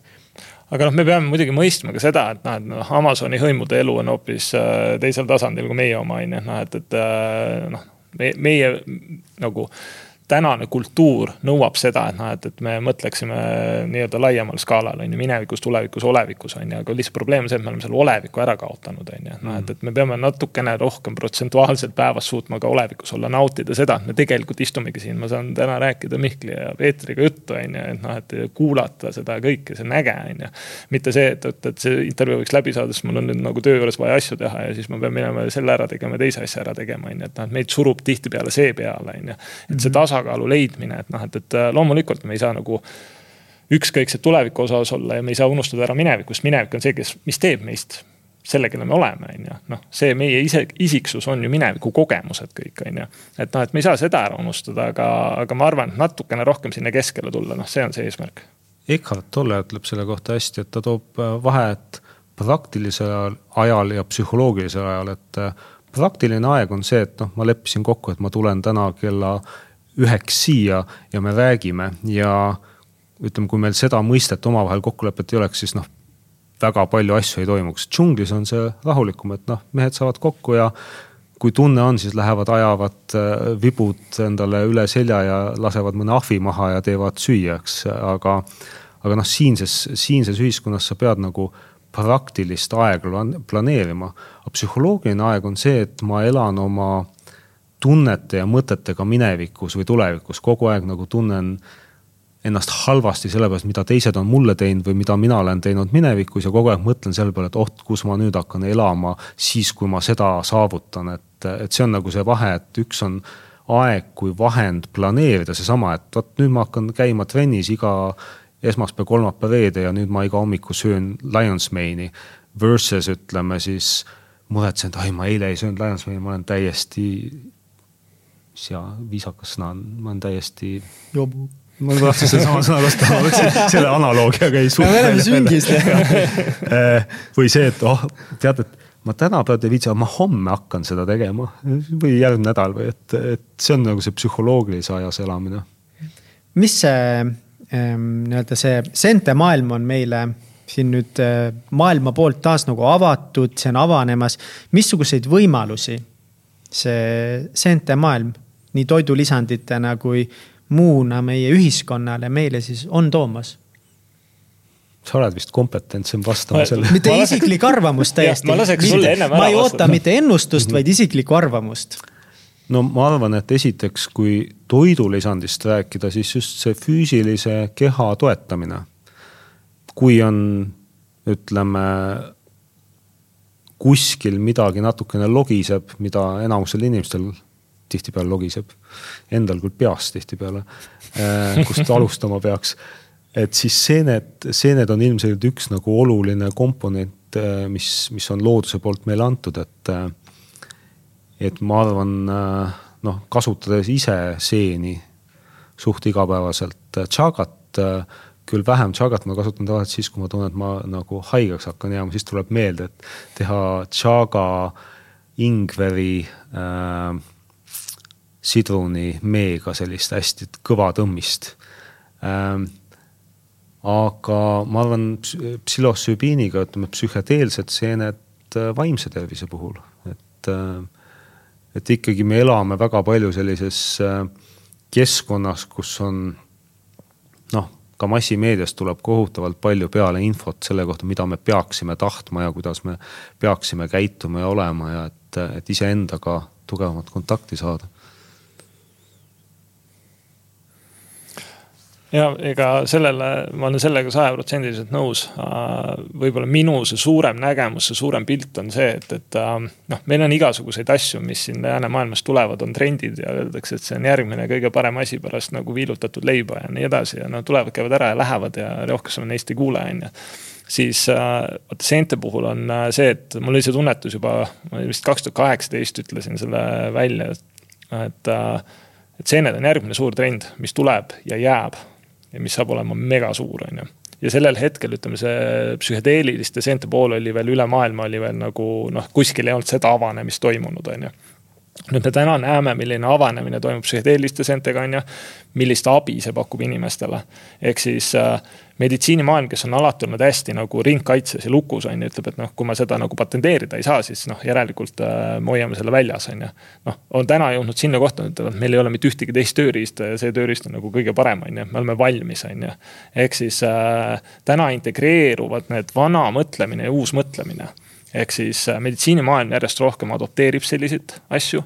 meditsiinimaailm vaatab teistesse meditsiiniseentesse sisse, ütleb, et noh, et, et see bioaktiivsete komponentide hulk, mis seal sees on mida suudab inimese kehale teha, on lihtsalt nagu niivõrd mega suur, on ju. mis asi on bioaktiivne komponent? Noh, bioaktiivne komponent ongi see, millest, äh, mis see seenele täna selle väärtuse annab, on ju, noh, et, et kõige lihtsam, ütleme, bioaktiivne komponent on, ütleme, vitamiin või mineraal, on ju. aga noh, selles suhtes, et see, see läheb sügavamaks, seal on neid layer eid veel, veel rohkem, on ju. ehk siis neid bioaktiivseid komponente on nagu niivõrd palju seal sees, et äh, mitte üheski teises nagu taimes või mis iganes nagu nad ei suuda seda teha ja nad ei suuda neid sünteesidagi, on ju ja, ja noh, meie noh, loomulikult mina usun sellesse seenemaailma väga palju, muidu ma vastasel juhul siin selles äris ka ei oleks, on ju. et äh, noh, meie uskumus on nagu see ja seda kinnitab ka tegelikult äh,, siin oli vist äkki oli oktoobri Nielseni raport, mis on maailma suur äh, ettevõte, kes nii-öelda. see on sihuke consumer raport, on ju tegi ennustuse, ütles, et täna on meil sihukene nagu äh, mis ta siis eesti keeles on preventative medicine nagu äh,. ennetatav. ennetatav meditsiin on ju, on kakskümmend protsenti ja tavameditsiin on kaheksakümmend protsenti. siis aastaks kaks tuhat nelikümmend, mis on tegelikult ainult seitsmeteist aasta pärast, on ennetav meditsiin kuuskümmend protsenti ja tavameditsiin nelikümmend protsenti no mõtleme korra nagu, mida see tähendab, on ju, kui vaatame, kui suur meditsiinivaldkond on, on ju, ja kui suurelt nagu see meditsiin, see nii-öelda tavapärane meditsiin täna seal sees on, on ju. siis see tähendab seda, et see saab ainult siis juhtuda, kui see tavapärane meditsiin, tavapärane toidumaailm ja kõik see liigub sinna, et nad ütlevad, et oota, aga tegelikult alternatiive on ka olemas. eks see tänane halvustamine, et noh, et, et sa mõtled mingis alternatiivmaailmas on ju, et noh, et paneme sind tuleriidale on ju, et see hakkab, see hakkab mühinal hakkab muutuma, on ju. ehk siis äh, see saab olema suur see saab olema mega suur, et meil ei ole täna noh, me, me juba täna kasvatame erinevaid meditsiiniseeni on ju, me paneme neid täna erinevatesse toodetesse, ekspordime. aga mingid äh, nii-öelda sektorid ei ole veel täna sinna taha tulnud, on ju, noh meditsiinisektor täna valmistab ette, et ta tuleb sinna taha, on ju, otsib juba neid võimalusi, on ju, meie valmistame ette, et teid ükskord toetada selles noh, wellness sektor on seal taga, äh, kosmeetikasektor juba täna liigub sinna sisse, ütleb, et noh, et, et seened on niivõrd komplekssed, et noh, et, et äh, meil ei ole sinna nagu vastast panna, on ju. et äh, me, me ei saa seda ignoreerida, sest seened on nagu täna on, me oleme nagu lapsekingad, noh nagu vaevu-vaevu oleme nagu pea pinnal praegu alles. kuidas on võimalik või mis sa tahtsid kommenteerida? see on väga lahe, see on väga lahe, et sa ütlesid just see ennetav meditsiin, et, et mul kuidagi tekkis see seos hetkel, et äh, tegelikult meie füüsilised probleemid ju tulevad meie energeetilisest disharmooniast. kui me vaatame kasvõi sõna inglise keeles disease, dis-ease ei ole lõdvestunud, disease. Ähm, et ma arvan, et need, need äh, taimed, need seened aitavad meil rohkem harmoonias elada, mis tähendab, et ka vähem tuleb füüsilisse kehasse haiguseid ja noh, üks asi, mis minu puhul on muutunud, äh, kaksteist aastat tagasi ma käisin perearstil kaks-kolm korda aastas, mul oli kaks kuni neli korda aastas, ütleme külmetused, kaks korda aastas põskkõlbapõletikud, vähemalt kaks korda aastas antibiootikumid tänu sellele. Äh, tänaseks päevaks ma arvan, ma ei ole üks üheksa-kümme aastat oma perearsti külastanud ma olen selle aja jooksul võtnud kaks korda antibiootikume, ükskord, kui mul oli, tõmmati hammas väljas ja tekkis metsik nagu valu ja põletik. tavameditsiini plussid on abiks, ei ole nagu tavameditsiini vastane. ja teist korda, kus ma olin reisil kuskil ja mul tekkis ka nagu selline noh, tunne, et okei okay,, siin on vaja nagu sekkumist äh,. aga muidu suutnud kõik nagu asjad lahendada puhtalt äh, taimede nõelravi, massaaži, ütleme asjadega, mis keha aitavad, et, et see on, see on ka üks kindlasti oluline pluss, et kui me suudame iseendaga rohkem harmoonias elada, siis on ka vähem haiguseid noh, tavameditsiin, lisan juurde, tavameditsiinil on kindlasti oma koht olemas, et noh, et, et ma, ma ei ole ka nagu selle nagu mingi kardinaalne kuskil. tavameditsiin on awesome, see on räigelt kõva, me paneme inimestele mingi uusi südameid ja mm. me suudame inimesi nägema panna ja kuulma panna, et nagu meditsiin üleüldse nagu või no ongi see mingi tavameditsiin, see on mingi veidrad nagu mingid eelsõnad sellele. Lääne, ütleme lääne, lääne meditsiin. meditsiin on fucking ütleme, awesome. ütleme nii, et kui ma autot löögi saan, siis ma loomulikult ma lähen haiglasse, ma ei hakka tinktuuri tuuri võtma, on ju. lootus on üsna väike, on ju, et, et, et aga noh, teises kohas ongi see, et meil, kus meil on nagu, ma arvan, see nagu dissonants ja kus see nagu lõhe kõige suurem on, on, on nagu need kaks meditsiini poolt, üks on see nagu lääne meditsiin ja teine, ütleme, kutsume siis seda nagu see idameditsiin on ju, see vana meditsiin on ju. et äh, üks tegeleb äh, nii-öelda põhjustega ja ravib neid põhjuseid, on ju. teine äh, tegeleb siis nii-öelda järelsümptomitega, on ju, et noh, et, et seal on meil väga pikalt olnud see sihukene nagu kraav, mis täna hakkab vaikselt koomale tõmbama, vaikselt. noh, inglise keeles on hea väljend follow the money on ju, noh et, et kahjuks on see, et, et seal on veel piisavalt väga palju raha mängus on ju, mis ei lase sellel kiiremini kokku minna. aga noh, see on paratamatus, kui ma vaatan täna nagu siukseid inimesi, kes äh, on väga pikalt olnud äh, äh, ütleme, lääne meditsiini nagu tulihingelised toetajad, ütlevad, et ei, et siia kõrvale ei mahu mitte midagi ja see on nii, on ju. siis nagu inimesed hakkavad täna nagu kaotama vaikselt usku nagu sellesse, ütlevad, oot, aga noh, et, et aga me, me oleme ju proovinud kogu aeg, see ei tööta, on ju, noh, et, et ega me. vähki suleb täna rohkem inimest, on ju, mitte vähem, on ju, noh, et, et neid probleeme järjest kasvab, on ju. ülekaalulisus, noh, nii edasi, et noh, et, et need probleemid kasvavad, me ei ole suutnud ära lahendada ja inimesed hakkavad täna küsima, et oot, aga, aga äkki on teisi, teisi variante ka, noh noh, see mõtteviis on nagu see, millest kõik algab, et mitte nagu ühestki tinktuurist või mõnestki muust tripist või noh, võib-olla mõtteviisi muutus tegelikult ka aitavad mingid asjad kaasa, aga see on üleüldine ühiskonna see mõtteviisi muutus just sellest, et me peame oma tervise eest hoolitsema, me peame oma keha eest hoolitsema, et. mingi hetk nagu elu tundus kuidagi lihtsalt nii ilus, et sa võid teha, mis sa tahad, et kuidagi et nagu tundub, et nagu tagajärgi ei ole millelgi, sest tagajärjed tulevad nii pika vinnaga. ja kui sulle elu pakub nii imelisi asju, milleks on friikartulid, täiega armastan ja purks täiega, oh my god, ma armastan häid purkse, noh. et, et need on nii head ja elu pakub meile nagu selliseid kuldkandikul tellid Woldiga endale mida iganes. oh, pitsat any day, every day läheb, et siis me lihtsalt unustame ära, et sellel kõigel on nagu tagajärg ja, ja nii nagu toitumise ja liikumise ja selle mõtlemisega ja kõik, mis me tarbime, et. me unustame ära, et sellel Instagrami scroll imisel on tagajärg. Võib-olla tähendab, ei pruugi olla, aga nagu tõenäoliselt on tagajärg, kui sa ainult Instagrami scroll'id ja võib-olla eladki liiga palju selles, et. milline auto sul peaks olema ja milline naine ja mees sul peaks olema. jah, see on äh balanss on vist võtmesõna, et iga selles balanss, et burgeris ei ole midagi halba, kui sa teda aeg-ajalt sööd, kui iga päev lõunaks sööd, siis võib-olla on natukene pahasti asi ja isegi siis, kui seda vahepeal sööd, et noh, et, et noh, sa ei pea ka nagu ennast vaata guilt trip ima, on ju, noh, et, et oi, näe nüüd siin burgerit on ju, noh, et elus tuleb asju nautida ka, et see ongi see tasakaal, küsimus, see kõik on see tasakaal. ma korra nagu seongi selle ära mm, -hmm. mis mulle seentega juures meeldib, ongi see, et seened pakuvadki seda tasakaalu, et nad ei vii sind kuskile nagu äärmusesse, on ju.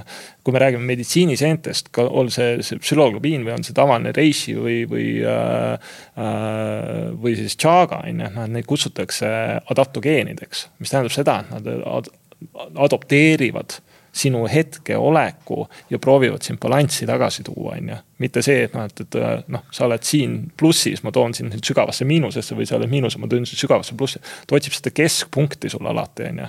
ja kui mul on, kõik on hästi, ma joon tšaagat, noh siis selles suhtes, et ta ei nihuta seda kuskile, seda näidikut nagu noh. ma ei, ma ei tea ühtegi inimest, kes oleks tšaaga üledoosi saanud või, või, või, või reishi üledoosi, on ju. noh, psühholoogiapiiniga on teine asi, sest ta on hästi kehaline, on ju, aga noh. ütleme, tulemus on ikkagi see, et ta toob sind sinna keskpunkti, on ju, noh, et, et sa oleksid nagu see kõige tasakaalukam. et sa ennem ütlesid ka, et noh, et, et ingliskeelne väljend disease on ju, dis-ease on ju, noh, et, et see otsetõlge on tegelikult hoopis midagi muud äh,. vanas Hiinas, noh, Hiina kultuur on väga pikk, vanas Hiinas ei olnud äh, sihukest väljendit nagu haige. ma ei tea, kas neil siiamaani ka on. kindel või? ja seal, neil on väljend on balansist väljas mm. -hmm. Mm. Jah, seal on täpselt, nad ju vaatavad ikkagi energiat ja balanssi, et kui meil on see, et pea valutab, siis nad vaatavad, okei okay,, sul on liiga palju tuleenergiat ehk tegelikult võta nagu oma eh, tempot maha, söö midagi jahutavat, puhka, noh. või sul on vastupidi, sul võib olla külmetus tingitud sellest, et sul on liiga palju nii-öelda siis jenni ehk külma energiat, mis tähendab, et mine sauna, võta pits viina isegi, et nagu soojenda ennast üles, et. et nende nagu vaat-, nad vaatavad alati sellega, et mis energia on sul balansist väljas kehas. noh, kui siuksed väga, väga lihtsad näited tuua, eks. aga millised on ohud? et äh, kõigega, aga nagu sellega, nagu sa just ütlesid, et noh, et viib tasakaalu ja ka see legit ei oska sõna öelda, mis ütlesid, mis see, see, no see aine noh. psüloglobiin. psüloglobiin. on ta eh, psilosübiin või? psilosübiin. no ühesõnaga mina ei oska. psilosaiben, ma ei oska legit seda sõna ka öelda, nagu keegi tahab näha, kuidas ma sõnast ütlen, siis kuulake täitsa pekis saadet igatahes selles mõttes, kui keegi nüüd mõtleb, et tahab oma elu mingist jamast, sitast välja saada, võtab hunniku seeni, ma ei tea, kust ta neid saab, siis. sa võid täiega ohtu sattuda selles mõttes, et, et selle kõigega kaasnevad ohud ja, ja mis, mis on veel võib-olla mingid ohud või mis te näete, et kas sellega, kui seened meile muutuvad kättesaadavamaks, kas sellega kaasneb veel mingeid ohte? no tegemist ei ole mänguasjaga, tegemist on ravimiga, et et see on sama, nagu me lähme poodi ja võtame suure hulga tablette, ajame neid sisse, et, et tuleks ikkagi olla teadlik ja küsida nõu terapeudi käest, kes on õppinud ja tunneb, kuidas selle konkreetse taimega äh, toimetada, on minu esimene soovitus. Ähm, ja tšekata, et sellel inimesel on tegelikult ikkagi olemas praktiline kogemus ja kvalifikatsioon, et äh, isehakanud šamaane jutumärkides on ka maailm täis, et, äh, et see ikkagi eeldab pühendumist ja, ja kogemust, et see ei teki nagu ühe päevaga. Äh, nii nagu kõigega, ma arvan, elus. ja ma arvan, et hästi oluline on tegelikult just noorte puhul see, et meie aju tegelikult kuskil seal kahekümne neljanda, viienda eluaastani alles kasvab ja tegelikult paljud äh, terapeudid, keda mina olen lugenud, ütlevad, et alla selle vanuse väga ei soovitata psühhedeelikume.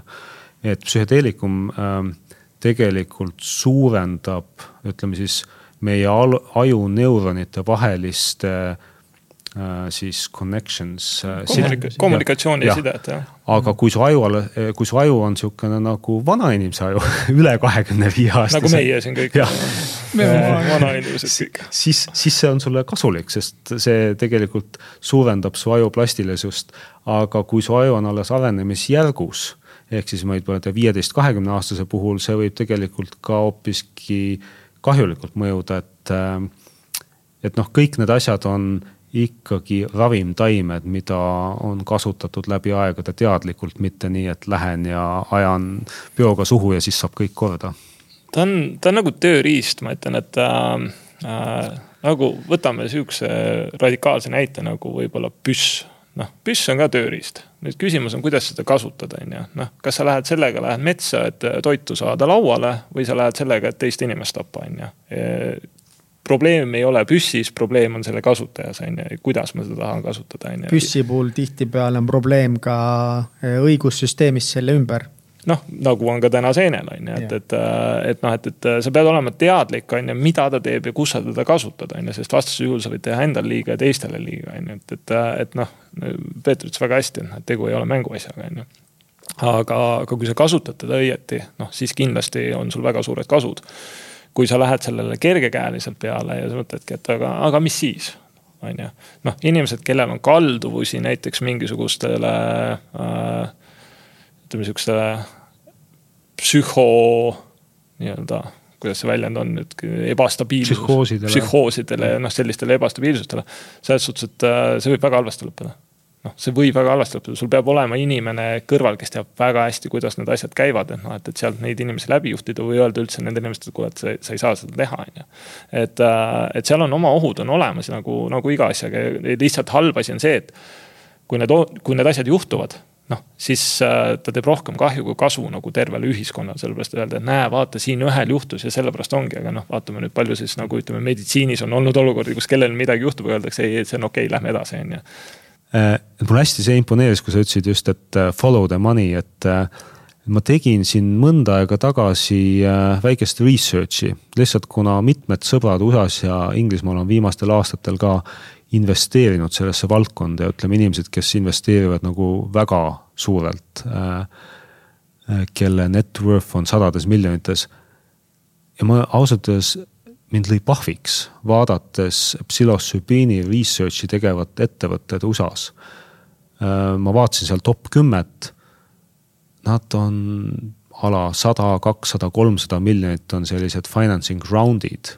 Ehk siis ettevõtted, kelle kapitalisatsioon on seal pool miljardit ja rohkem selleks, et selle seenekese research'i arengut teha hetkeks, kui ta muutub legaalseks. Ja siis ma vaatasin äh, äh medical marijuana firmasid.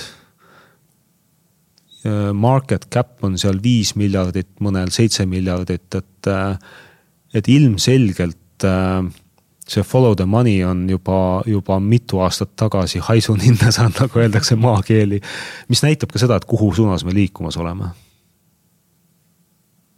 Nice ah,. ja saate lõpus siin meil on tegelikult äh, miljon Mindset'i poolt äh, Peetril üks kingitus ka, saad valida kolme raamatu vahel endale, me oleme siin ikkagi aegade algusest saadik kõikidele raamatuid kinkinud.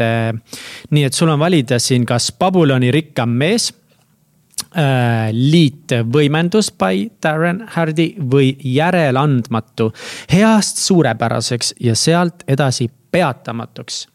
Tim S. Groveri poolt, nii et ähm, ühe nendest sa pead äh, valima ja endaga koju võtma ja kindlasti ühel hetkel ka läbi lugema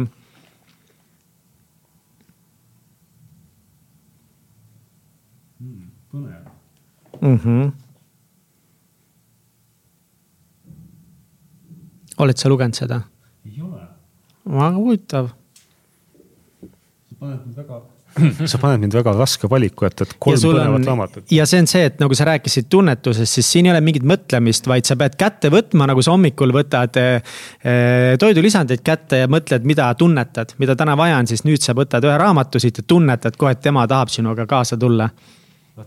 põnev on see, et nagu ma vaatasin alguses mõtlesin, aga tunnetus on see, George Clayson Paul on rikkam mees, nii et äh, miljon, äh, miljon mindset, äh, miljon.ee, minge võtke, ostke endale ägedaid raamatuid, kasutades koodi Taitsa Pekis, saab kümme prossa alla. meil on aeg kohe kahjuks otsas juba nagu põhimõtteliselt viimased sekundid lausa nii suur tänu, et te täna siin vestlesite meiega, Peeter, kas sa tahad veel midagi endast siia mikrofoni ähm, maha jätta?